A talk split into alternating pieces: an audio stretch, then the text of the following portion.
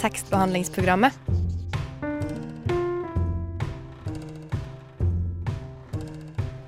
Tekstbehandling på radio.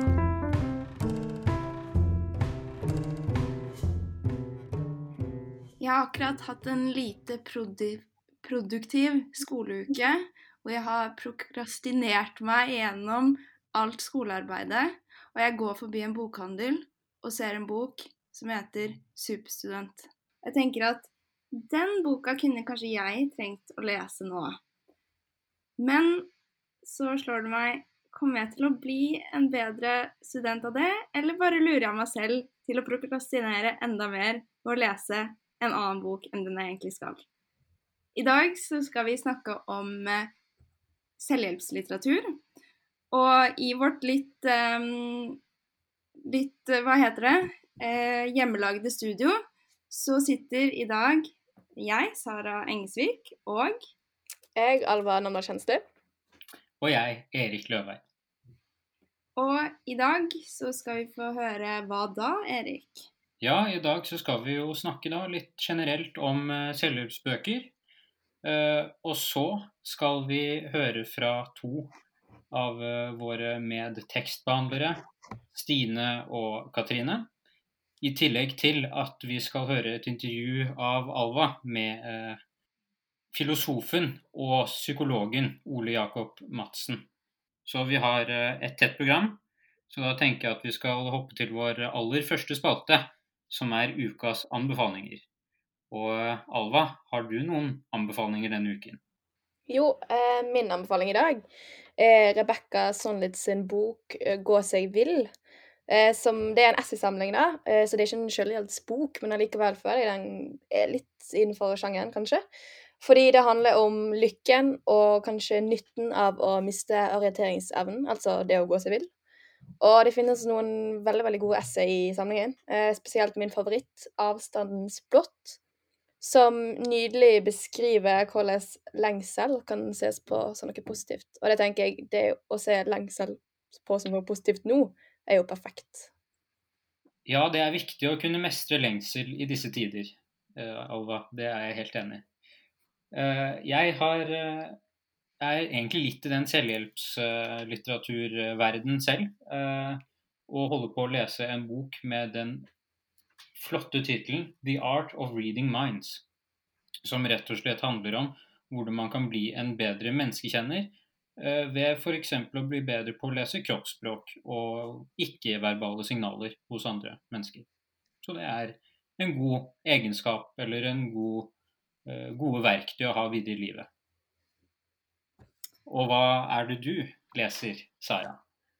Uh, ja, jeg leser, jeg leser noe for tiden, altså, men det er ikke det jeg skal anbefale. Fordi jeg har en litt, litt, annen anbefaling som jeg er litt redd for å komme med. Fordi jeg, jeg frykter at ikke eh, så mange vil ta den til seg. Men i, i tråd med selvhjelp, eh, selvhjelpstema, så har jeg i det siste slitt litt med å sove, og derfor søkt opp på Spotify Sleep Meditation. Og da er det flust med eh, podkaster, eller hva man skal kalle det, som man kan høre på for å da liksom meditere seg i søvn. Og det er, det er faktisk overraskende Eller det funker for meg, da. Det er det jeg kanskje kan si. At det funker veldig godt for meg å slå på det, slå på timer, slutt om en halvtime. Og så sovner jeg stille inn. Sovne stille inn. OK, vi slutter der, og så går vi videre til en sang, tror jeg. På tide å skru på tekstbehandlingsprogrammet. Yndlingssykkelen de siste seks-sju månedene er en enhjulssykkel. Vi har Marie Eibert på besøk, jeg og Eline. Marie og Bær. Marie og Bær. Jeg tenker alltid at en T slutter med ø, h, h, h, h, utropstegn, utropstegn. Det er bare tekstbehandlingsprogrammet. Nei, det var ikke så mye å si. I dag skal det som sagt handle om selvhjelpslitteratur i tekstbehandlingsprogrammet. Og i den anledning har tekstbehandler Stine gjort et forsøk på å definere hva selvhjelpsbøker egentlig er. Jeg googler selvhjelp pluss SNL. 1350 resultater på 0,44 sekunder. Selvhjelp for innvandrere og flyktninger. CIF, forkortelse for det samme. Psykisk helsearbeid i kommunen. Atlanterhavspakten. Jeg fjerner SNL. Bla, bla, bla, bla, bla. Selvhjelp er å ta tak i egne muligheter, finne fram egne ressurser, ta ansvar, bla, bla, bla, bla, bla. Men dette vet vi jo egentlig. Selvhjelpsbøker. Nå snakker vi. Lev mer, tenk mindre. Og bli deg sjøl. Kunsten å finne ro. Hemmeligheten. Forstå dine sår i sjelen. Kanskje du er frisk? Power. Bør det egentlig hete selvhjelpsbøker? Komikeren George Carline sa noe ganske smart om det. For når man tenker på det, så er det ikke du som har skrevet boka. Det er Eckhart Tolle, Brené Brown eller Ole Petter Gjelle. Det er jo ikke selvhjelp, det er hjelp. Hadde en skrevet boka en trengte sjøl, så hadde en ikke behøvd hjelp. Så da hadde ikke hjelp heller. Da løste man jo bare problemet sjøl. Men ok, man kan tulle mye med den lukrative humbugen og klage på begrepet. Men mange av bøkene kan jo være nyttige. Nyttig, nytte. Nyttebøker. Brageprisen definerer kategorien nyttebøker som instruerende bøker. Eksempel kokebøker. Og spør du meg, så høres det mye mer spiselig ut, i alle fall. Men nytten i disse bøkene er jo ofte at man får instrukser om hvordan man skal endre eller utvikle seg. Selvutvikling, det er noe som heter det også. Men hva er forskjellen på selvutvikling og selvhjelp? Jeg googler selvutvikling pluss selvhjelp for å se om noen kan hjelpe meg. Jeg kan åpenbart ikke gjøre det sjøl denne gangen. Samtalepartner Bergen har en fane på nettsida si som heter nettopp det. Selvhjelp og selvutvikling. Men alt der handler om selvutvikling. Kanskje er selvhjelpen det du gjør for endring og dermed utvikling. Vel, jeg blir ikke stort klokere sjøl med andres hjelp. En psykolog har sagt til Dagbladet at man blir deprimert av selvutvikling, så jeg orker ikke engang å lese artikkelen som sitatet kommer ifra. Cappelen Dam vil bare vise meg en liste over åtte bøker til livsmestring som kan vise leseren lyset. Men Bokklubben kaller selvhjelp, utvikling og praktiske råd. Og der tror jeg kanskje at Bokklubben har et godt poeng. For selv om en fort tenker på ei typisk selvhjelpsbok som flåsete og svevende, så er de mest ujålete selvhjelpsbøkene ofte veldig praktisk orientert. De forteller hvordan du skal bli rik på et år, tips tjene masse penger som du kan spare, hvordan du kan trene hjernen din og dermed bremse demens, tenke klarere og være smartere. Og ikke minst, min personlige favoritt, hvordan du skal styrke sjøldisiplinen din. Leter du, kan du kanskje finne akkurat de tipsene du trenger for å komme deg videre, nå et mål, eller som Robert Mood fokuserer på i sin nyeste bok, lære kunsten å stå opp om morgenen. Jeg vet ikke helt hva poenget mitt er, for jeg har ikke lest ei bok om å finne fokus ennå. Men jeg tror kanskje jeg bare må konkludere med at det handler om at sjangeren selvhjelp er stor og rommer mye, både svader, banaliteter og nytte.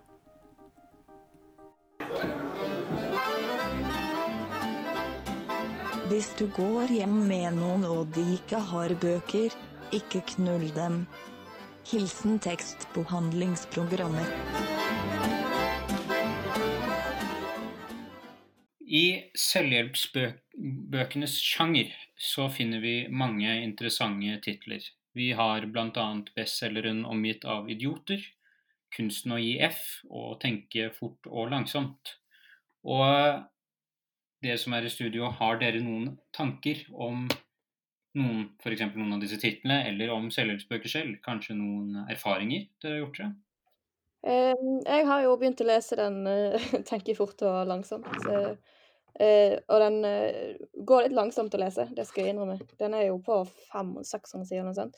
Men det jeg liker med den, er at jeg føler på en måte at det ligger en forskningsbak her. Eller at han, han viser alltid til eksperimenter han har gjort, og den handler på en måte om hvordan man kan stoppe hjernen fra å ha f.eks. For fordommer veldig raskt, eller hvordan man kan stoppe å ta feile beslutninger. Men ja Det er liksom ikke lettest å lese, det må jeg innrømme. Hva er det som gjør at den Hvorfor er den vanskelig å komme gjennom, på en måte? Jeg tror det er bare at den er så sjukt lang, og så går den så sjukt inn på hver lille ting. Men det blir sånn, man blir litt lei. Jeg skjønner på en måte poenget allerede når jeg har lest 100 sider. Eh, og jeg vil egentlig bare Ja. Eh, jeg vil liksom ikke lese mer enn 400 sider til av det. det. Jeg tenker at det er litt sånn eh, Det som er forlokkende med en selvhjelpsbok, er på en måte litt sånn raskt å få et svar. Eh, en løsning på det man ber om. og på godt og vondt, da. Men, eh, men at man nettopp da vil ha de, de liksom sånn Å, her er ti tips til hvordan du skal uh, gjøre det og det. Nå har ikke jeg lest Jeg har ikke lest så mange selvhjelpsbøker. Jeg, jeg føler at jeg er kjent med uh, kjent med prinsippet av å på en måte se YouTube-videoer og sånne ting. Eller sånn herre ah, nå har jeg brukt utrolig mye Eller hvordan skal jeg Jeg vet ikke, jeg Ja, igjen det prokrastinerings eh, da. Liksom gå på sånn kurs og sånne ting for å lære det. Men akkurat selvhjelpsbøker har jeg kanskje ikke lest. Men eh, med tarmen', hvis det går som en selvhjelpsbok? Kanskje. Jeg er litt usikker på det. Ja, kanskje. Ja, jeg tror det i hvert fall går under populærfagbøker Eller ikke fagbøker, populærbøker iallfall. Ja, det er i hvert fall det nærmeste jeg kan komme med en selvhjelpsbok. Så jeg føler ikke jeg har så mye eh, erfaring med det. Har du, Erik? Ja, altså nå har jeg jo lest eh, både den jeg anbefalte, 'The Art of eh, Reading Minds', men også begynt på uh, 'Omgitt av idioter', som faktisk er en litt interessant bok. hvor som Alva sier, det er ofte basert på noe forskning. Altså dette med personlighet osv., hvor man deler inn personligheter sånn som blir gjort i boken, er jo ofte noe omdiskutert. Altså Man kan gjerne dele inn personligheter på ulike måter osv. eller på grunnlag av ulike modeller. og Her så bruker han en spesifikk modell. Eh, men også en fellesnevner vil jeg si med de to bøkene jeg har lest, er at i starten av hver av bøkene så sier de ganske tydelig at eh, her er det på en måte Dette er ikke fasiten. Altså dette er en mulighet, en forenkling, en videreføring av en modell og spesielt omgitt av idioter så bruker jo forfatteren Thomas Eriksson uh, sitt eget arbeidsliv uh, som eksperiment, og da faktisk et uh, jobbintervju, da, hvor, hvor, sjefen hadde brukt uttrykket 'omgitt av idioter' da han, hadde, da han snakket om sine ansatte. Og da var jo liksom det nærliggende spørsmålet men hvem var det som ansatte alle disse idiotene? Hei, jeg heter Aune. Og du må høre på tekstbehandlingsprogrammet. Fordi kunnskap og viten, det er det mest vidunderlige på denne jorden. Jeg var så heldig å få intervjue Ole Jakob Madsen, som er både psykolog og filosof. Um, og han har skrevet boken 'Det er innover vi må gå', som er en kritikk eh, mot den økende selvhjelpslitteraturen som vi har nevnt litt i, i sendingen allerede. Og det er veldig mange interessante bemerkninger, så hør etter. Kunne du kort fortalt litt hva du skriver om, og argumenterer for, egentlig, i boken 'Det er innover vi må gå'?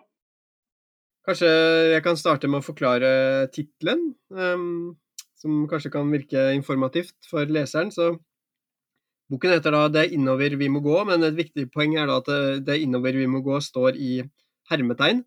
Um, og så er undertittelen da 'En kulturpsykologisk studie av selvhjelp'. Da. Um, og For å forklare hovedtittelen først, så er det altså ikke jeg som, uh, som kommer uh, med påstanden 'det er innover vi må gå'. Det er uh, en sånn frase som jeg finner i en del selvhjelpslitteratur i Norge. Så det blir på en måte uttrykk for en viss ideologi da, om at mennesker må gå innover i seg selv for å finne løsningen på hvorfor ikke de lever mer optimale liv. Da. Um, når det gjelder undertittelen, så er det ikke kanskje så mange som vet hva kulturpsykologi er. Hvis noen assosierer noe til det, så tenker man kanskje på krysskulturell psykologi, hvor man kan f.eks. sammenligne nordmenn og svensker eller noe sånt. Men um, det det betyr uh, i den tradisjonen som jeg bruker, da, så handler det mer om at eh, mennesket er et kulturvesen og på sett og vis eh, fremmed for seg selv. Mennesket er det ufullendte dyret, så vi trenger språk, ideer eh, og litteraturen også for å kunne si, forstå og fortolke oss selv og våre, ja, kroppens mange signaler og sånne ting. Da. Og det er i den tradisjonen da jeg analyserer også da hvordan selvhjelpslitteraturen blir eh, en form for skal vi si, åndelig, vitenskapelig, eh, kvasireligiøst og pseudovitenskapelig påfyll da, som liksom gir opp, mennesket oppskrifter på hvordan man best skal leve livene sine i det 21. århundret. Og du, du, har jo snakket en del om at eller generelt så blir kanskje selvhjelpslitteraturen sett litt på som en kanskje lavkulturell sjanger.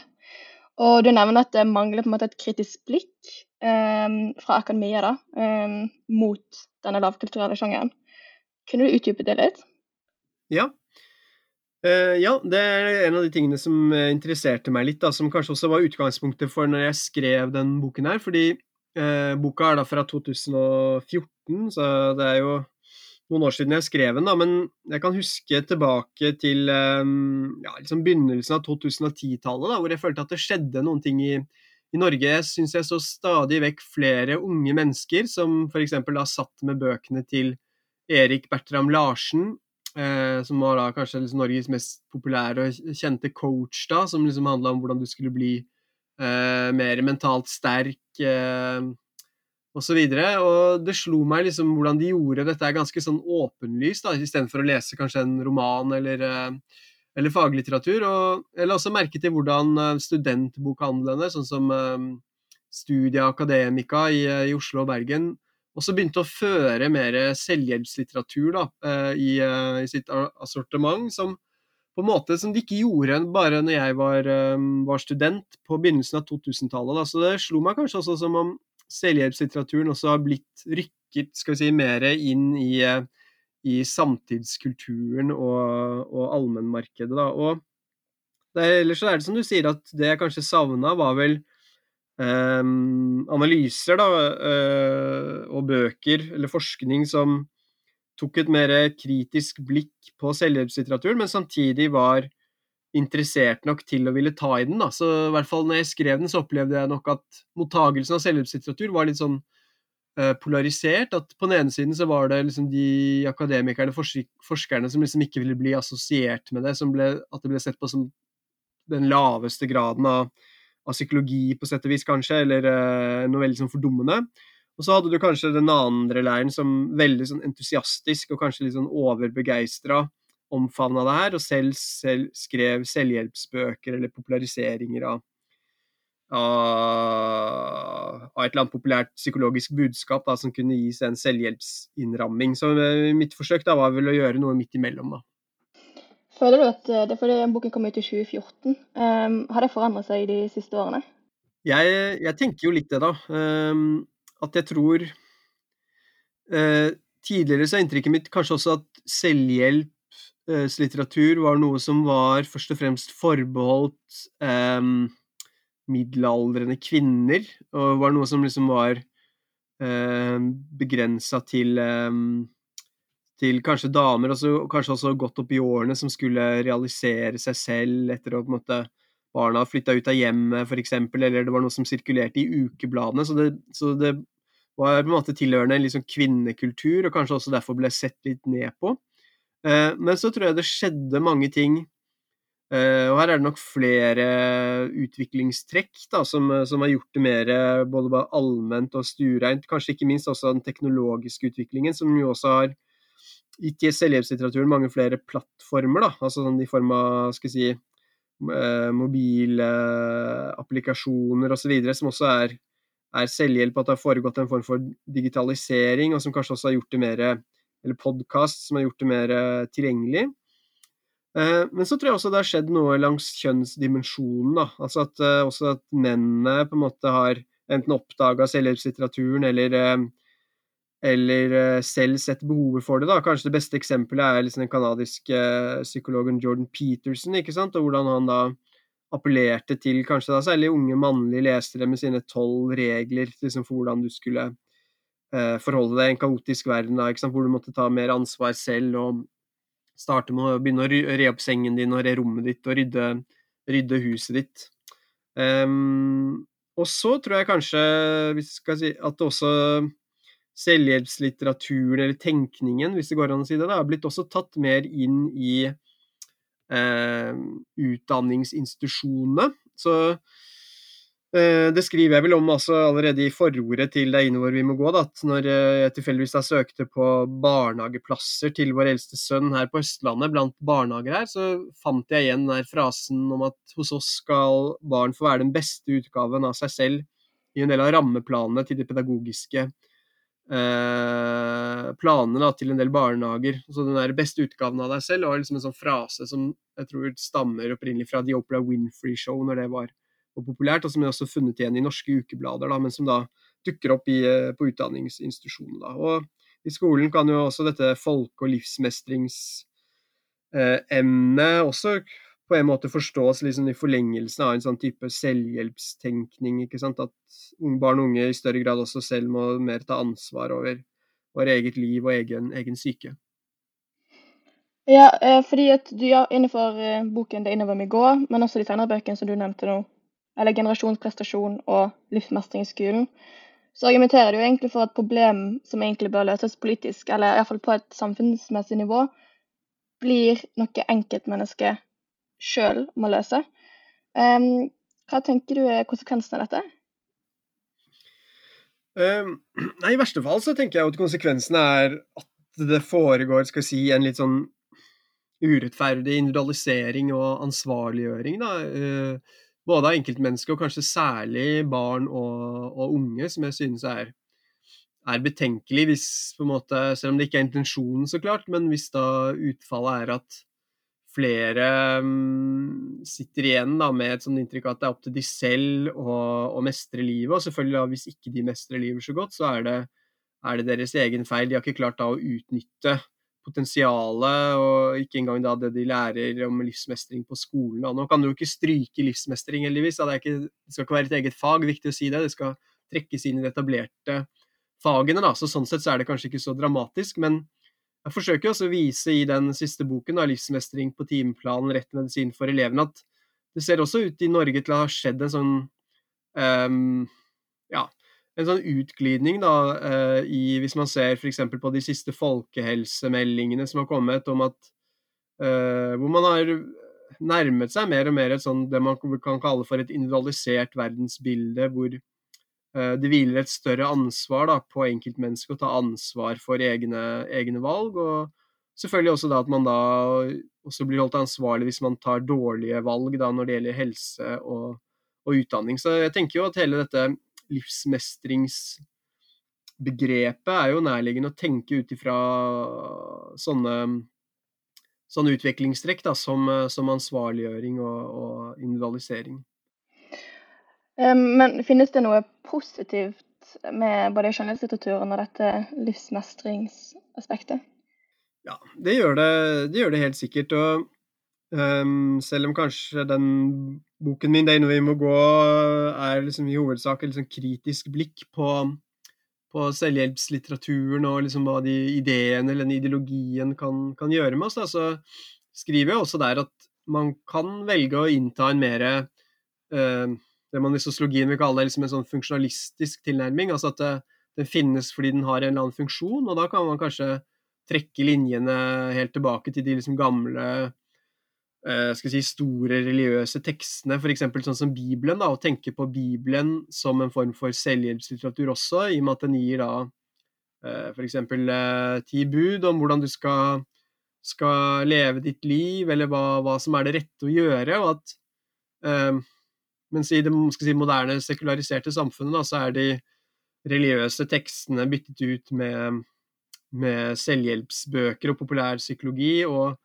skal si, prestene, eller de lærde, i større grad er, eh, er blitt erstattet da, av, av, vitenskapsfolk, forskere, og kanskje særlig da eksponenter for menneskevitenskaper som, som psykologer, da, som gir oss mer eller mindre si, vitenskapelige svar på hvordan vi vi bør leve våre liv da. Og, og kanskje har vi eh, Er det et behov for det der, ikke sant? Altså at eh, det er mye at, ja, Både at mennesker til alle tider har hatt behov for, eh, for for sånn åndelig påfyll eller, eller, noe utenfor seg selv som de kan uh, orientere seg etter, og kanskje også at det er litt så mye usikkerhet da.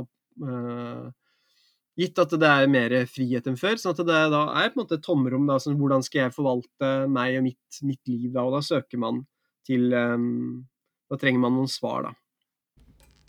En, to, tre.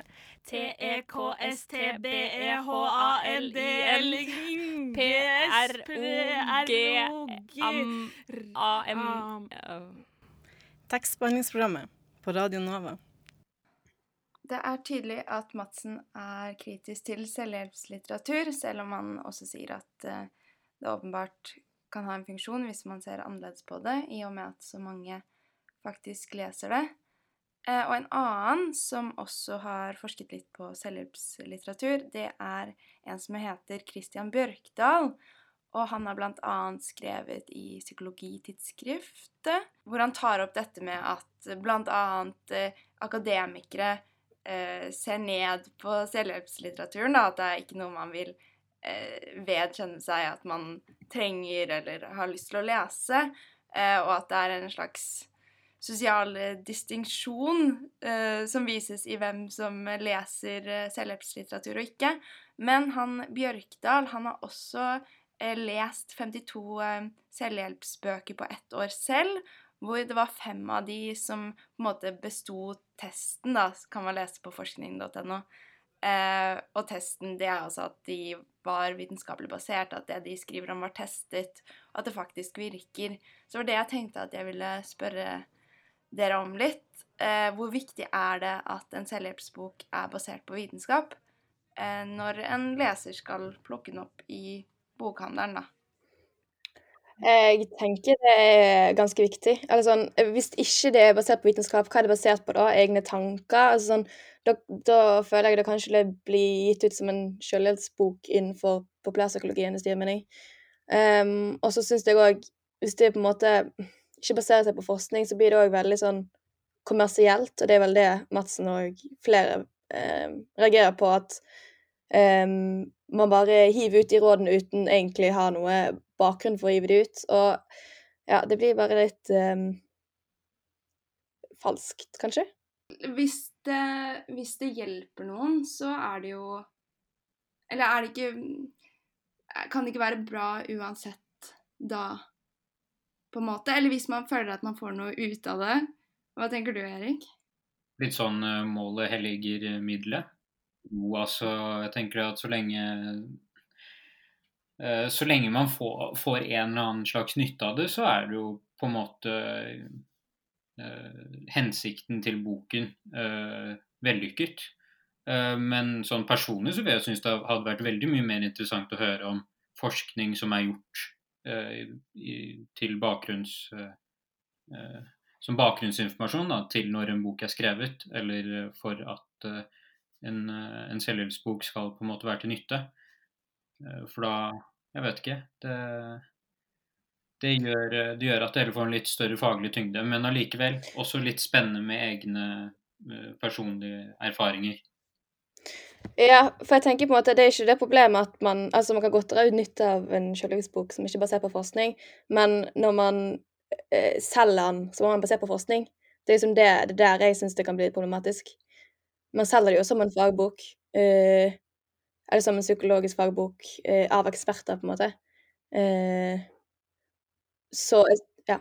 Det er det som jeg tenker litt sånn mm. Det burde komme veldig tydelig fram at uh, dette er ikke noe vitenskapelig bevist eller basert på noe vitenskap i det hele tatt. Så da er det kanskje ikke Jeg vet ikke. Da blir det kanskje en annen sjanger. Ja, nettopp det. Ja. Jeg spilte også kanskje litt ja, djevelens uh, Hva heter det? Psykolog? djevelens uh, populærpsykolog. Eh, men ja, fordi det er vel også litt problematisk Eller de drar jo også fram det problematiske med at fokuset, eller ansvaret, legges plutselig på individet i samfunnet, og ikke på strukturer og sånne ting. Og at selvhjelpsbøker Ikke at det er noe motsigende, men, men selvhjelpsbøker trenger jo Det er kanskje et større problem enn bare sånn Er det vitenskapelig og ikke også, kanskje? Ja. Jeg tror masse av kritikken ligger jo ikke bare på om det er vitenskapelig eller ikke. Det ligger jo masse rundt det, som Madsen snakker om. Hallo, mitt navn er Knut Nærum, og du hører på tekstbehandlingsprogrammet. Jeg går i hvert fall ut fra at du gjør det. Nå skal vi få høre andre halvdel av intervjuet som Alva hadde med psykolog og filosof Ole Jakob Madsen. Ja, du er jo gjest i, vår, i tekstbehandlingsprogrammet, eh, så jeg tenkte vi kanskje kunne nærme oss litt eh, litteraturen. Og du fokuserer den på kulturpsykologi i forskningen din, eh, og har sagt i et tidligere intervju at mennesket trenger kulturen for å speile seg i. Og jeg lurte på om eh, Og at selvhjelpsbøker kan være en mulighet å gjøre det, som du nettopp fortalte om. Eh, men kan romaner være en bedre måte å speile seg enn selvhjelpslitteraturen? Um, ja, det, jeg har jo en, jeg har jo en uh, kjent dansk god kollega som heter Sven Brinkmann, som jo ga ut en, en liksom parodi på en, en selvhjelpsbok som het 'Stå imot', et halvt år senere etter min, min bok kom. og Han har jo sånn syv råd til, til hvordan stå imot selvutviklingstfangen, som han kaller det. Da. og Da er vel det syvende rådet at du heller skal lese romaner og, og kaste fra deg selvhjelpsbøkene. Um, og da husker jeg det var vel en I forbindelse med lansering her i Norge, så var det vel en debatt i Aftenposten hvor uh, Anders Danielsen Lie, um, ja, kjent skuespiller og, og, lege, mente at det rådet da var, hadde et litt sånn element av sånn klasseforakt, og at det var noe litt sånn åndssnobbete over det, husker jeg. Uh, han, han, påpekte at han ofte uh, skal si, foreskrev selvhjelpsbøker da, til sine, um, sine pasienter som, uh, som, fastlege. Da. Så det, det handler kanskje liksom, Det er jo kanskje et visst sånn ja, klasseelement over det her også, og kanskje vanskelig å argumentere for at romanene, sånn, eller skjønnlitteraturen, sånn kvalitativt sett befinner seg på et annet nivå enn selvhjelpslitteraturen, men jeg tenker jo og det var vel kanskje en grunn til at jeg bekymra meg litt også over at stadig flere da leste bøkene til Erik Bertram Larsen fremfor liksom bøkene til Karl Ove Knausgård f.eks., selv om jeg tror fortsatt de leser, leser det. da, At om det også kunne være en form for sånn innsnevring av, i, i, disse selvhjelpsbøkene. ikke sant, At det er jo ofte ganske sånne eh, enkle svar på, på, på hva, man, eh, hva, man, bør gjøre. og absolutt noe som ikke bryter med et sånt individualisert verdensbilde, da, hvor du selv må ta, ta, ansvar. Det hører jo på mange måter til selve sjangeren, da, ikke sant? at hemmeligheten ligger inni i deg selv. Du bærer egentlig på alle ressursene til å kunne leve et mer fullendt, fullverdig eh, eh liv. Du har ure, urealisert potensial. Bøker som uh, selvhjelpsbøker da, som sier at det er utelukkende samfunnet som har skylda, eller at det er liksom, strukturene rundt deg som som årsak. De ville jo neppe ha gjort det særlig godt på, på markedet eller hatt særlig appell til, til leserne. Så, sånn sett så ligger det jo kanskje noe i hele kontrakten da, som er litt sånn eh, begrensende, tenker jeg, hvis man sammenligner med, med skjønnlitteraturen. Hvis man tenker at den skal være bevissthet ut, utvidende eller, uh, eller uh, få deg til å tenke radikalt annerledes. da.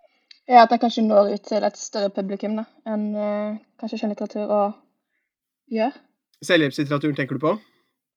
Ja. ja eh, det kan du godt si at kanskje er det, er det Eller det har jeg ikke noe sånn nøyaktig tall på, da, men, men, det er godt mulig at eh, ja, Den lille forskningen jeg er innom i, i, boken, så viser jeg vel til at de som er mange som er, skal si, eh, kjøper selvhjelpslitteratur, det er liksom litt sånn storforbrukere av det. At de går stadig til, liksom, den siste, siste tittelen. Men eh, jeg har ikke noe sånn eh, statistikk på om de også leser skjønnlitteratur, eller om de utelukkende leser, eh, leser selvhjelpsbøker, da. Men eh, uh, altså, noen av de mest populære selvhjelpsbøkene, sånn som altså internasjonalt, sånn som uh, The Secret, for eksempel, den uh, Eller Kvinner er fra Venus, menn er fra Mars, eller noen sånne ting. De, altså de, de de dukker vel opp på sånn listen over sånn de 20 mest solgte bøkene noensinne osv. Så, videre. så man kan jo tenke seg kanskje at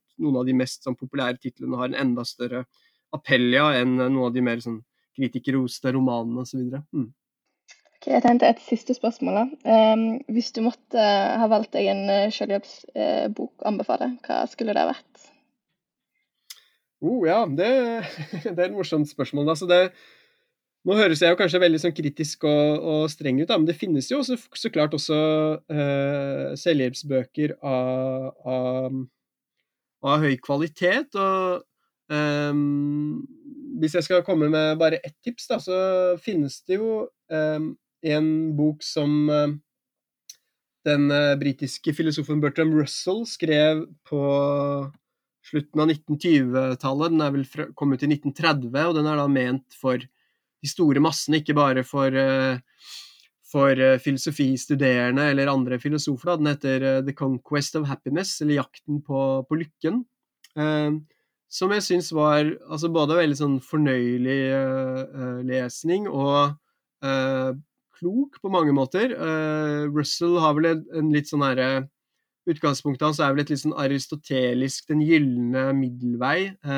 så at han kommer med veldig mange sånne snusfornuftige tips, da, som at det gjelder å Han har liksom et og et av de tingene jeg liker med den, er at han, han, sier helt eksplisitt at det finnes en del ting som er utenfor vår kontroll, og det er noen ting vi har kontroll over. Og at det er de tingene vi har uh, kontroll over selv, da, som man skal skrive om i denne boken. Men, uh, men man kan bli utsatt for en rekke ulykksalige omstendigheter som absolutt ikke er din skyld. Da. Og, og da sier han f.eks. at hvis du da skulle havne i en ulykke og bli lam fra livet og ned, så er det en fordel å ha ganske spredte interesser, så da er det lurt liksom ikke å putte alle eggene sine i en kurv og utelukkende um, ha som hobby f.eks. å stå på slalåm. Da kan det også være lurt å være interessert i sjakk, f.eks. Um, så han har masse sånne snusfornuftige uh, tips, at det kan være fordel av mer enn én venn, i tilfelle den ene vennen skulle dø, osv. Nå høres jo ikke dette så veldig høyverdig ut, da, men det er skrevet på en veldig sånn distinkt, uh, litt sånn britisk måte, med en veldig sånn fin fin og lun eh, humor, da. Eh, det er veldig sånn, mange sånne fine passasjer der.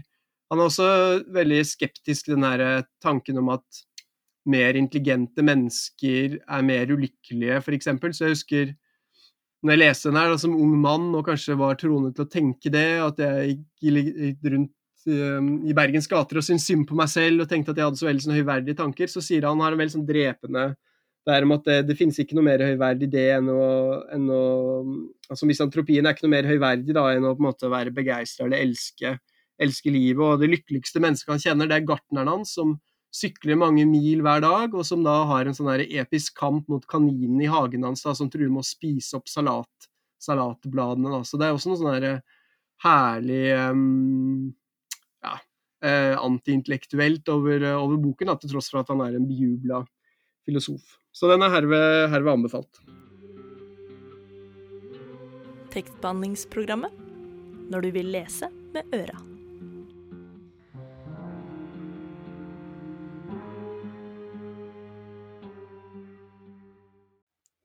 Vi hørte jo nettopp eh, siste del av intervjuet med Ole Jakob Madsen. Eh, og jeg synes Han hadde veldig mange interessante aspekt, men det ene jeg syntes var ekstra interessant, var kanskje dette her med klasseelementet. Um, eller det at klasseforakt i rådet om at man skal lese romaner istedenfor uh, skjønnlitterære bøker. Um, fordi at um, Ja, som han nevner, uh, så Anders Danielsen Lie, som kommenterer mot en Sven Brinkmann sin artikkel, um, så mener han at litteraturen for mange kan bli veldig stor. Uh, vel, I hvert fall sånn kritikerrost litteratur kan bli veldig stor. Og kanskje for mange så hjelper det akkurat å lese en selvhjelpsbok. Um, hva tenker du om det?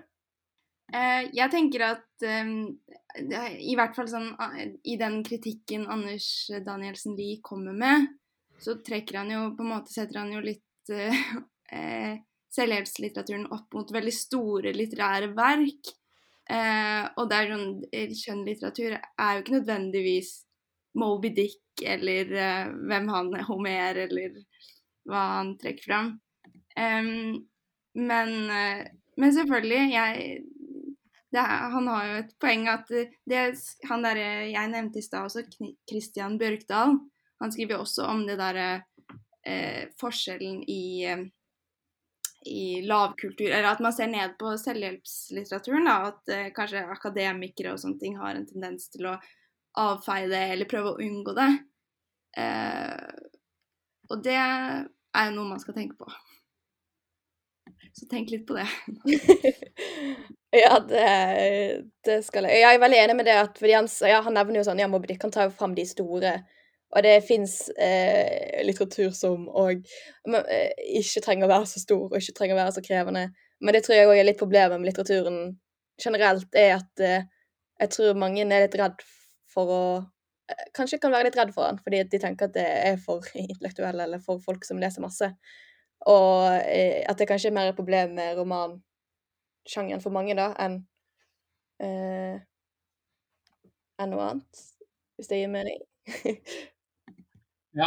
Nei, altså jeg tenker jo Romansjangeren er jo veldig stor. ikke sant? Du finner jo alt mulig rart innenfor der. altså eh, Om det kanskje er oppvekstromaner man syns er interessant, da, så kan jo det være en eh, Jeg vet ikke god måte å få belyst kanskje snille og ikke så greie mennesker, f.eks. Du møter mange mennesker opp gjennom livet eh, som har eh, kvaliteter som eh, både kan være positive og negative, og så ser du kanskje ja, ok, her er det en som, eh, en som eh, viser kanskje mot, eller som viser omsorg. Og det kan jo også være en god indikator. Ja, altså tror jeg det med skjønnlitteraturen, så kanskje ikke selvhjelpslitteraturen eh, kan gjøre på samme måte, det er jo at skjønnlitteraturen kan i hvert fall få deg til å komme inn i noen andre sine sko, eller annen sin forståelse av verden. Eh, mens selvhjelpsbøker blir veldig rettet mot deg sjøl igjen. Og så eh, ofte tror jeg man har godt av å komme seg litt ut av seg sjøl, hvis det gir mening. Nå snakker vi jo mye om det innholdsmessige i selvhjelpsbøker. Altså hva innholdet i bøker kan hjelpe oss med. Men tekstbehandler Katrine hun har sett litt på andre måter bøker, kan hjelpe oss i hverdagen. Hva gjør en bok verdt å lese? Er et spørsmål man kan stille seg selv og andre. Men hva gjør en bok verdt å ha? For vi må jo være ærlige, tror jeg. De fleste av oss eier bøker vi ikke har lest. Enda? Eller vel vitende om at det aldri kommer til å skje? Hvordan hjelper disse bøkene oss i livet? Trenger alt å ha en hensikt? Hva er disse bøkenes nytte? Ei bok i papirformat, det er et fint objekt. Og den har mange fine egenskaper, som at den er flat. Den er brei foran og smal på kortsidene. Den kan også være tykk på kortsidene, Bøker kan ligge opp hverandre og bli et høyt tårn. I mangel på underholdning kan du jo bygge tårn av bøkene dine. Bøker kan se fine ut i en bokhylle. De kan hjelpe deg framstå kanskje til og med føle deg smartere og mer reflektert, selv om du aldri har åpnet varmene. Bøker er også fine gaver. Jeg er ganske sikker på at det finnes veldig mange bøker i verden som ikke har hatt annen nytte enn å skape giverglede for personen som ga den bort i gave. Og tenk så sterke bøkene gjør, ass. Ikke disse selvhjelpsbøkene vi snakker om, som virkelig har det som hensikt om man bare først leser dem, men alle bøkene vi opp gjennom livet bærer med oss. Ikke bøkene med fortellingene som rystet oss, eller trøstet oss og ble til en del av oss, men alle bøkene vi har blitt tildelt i gruppe på kanskje 30, og hatt i sekken, under armen og ei pose, fram og tilbake i mer eller mindre 13 år. Kunnskap er ikke tungt å bære, sies det, men at den kan styrke oss likevel, tviler ikke jeg på. Jeg har forhørt meg med noen løsningsorienterte bokelskere jeg kjenner. De bruker krim som fluesmekkere, Shakespeare som treningsmanualer og tjukk fantasy til ekstravekt i sekken. En aktuell en er bruken av eh, Martin Ernstens grafisk romantisering av Hamsuns sult, som visstnok fungerer veldig godt til å rette ut munnbind etter vask. Og om du har det litt kaldt i stua om dagen, er jeg blitt tipset om at Fifty Shades tydeligvis gjør god peise. Bøker er topp. Jeg vet ikke hva vi skal regne som plusset, om det er innholdet eller det objektive potensialet. Det kommer kanskje an på innholdet. Gi meg den teiteste selvhjelpsboka du kan finne, og jeg skal nok få bruk for den likevel. You have bewitched me, body and soul, and I love, and love, and love. Tekstbehandlingsprogrammet på Radio Nova. Det er jo et ganske greit sted å avslutte på. At hvis man har kjøpt en selvhjelpsbok man kanskje ikke fikk så mye bruk for som man trodde, så fins det alltids, alltids andre måter å bruke boka på. Tiden har løpt fra oss, og vi må si takk for i dag. Eh, men først, hvor kan man høre mer av tekstbehandlingsprogrammet? Ja, jeg er glad du spurte. Eh, vi kan høre mer av tekstbehandlingsprogrammet på alle podkast-streamingkanaler. Og i dag, i vårt eh, hjemmelagde studio, sitter Alva Kjensli, Erik Løveid og meg, Sara Engsvik. Vi høres snart igjen. Ha det bra!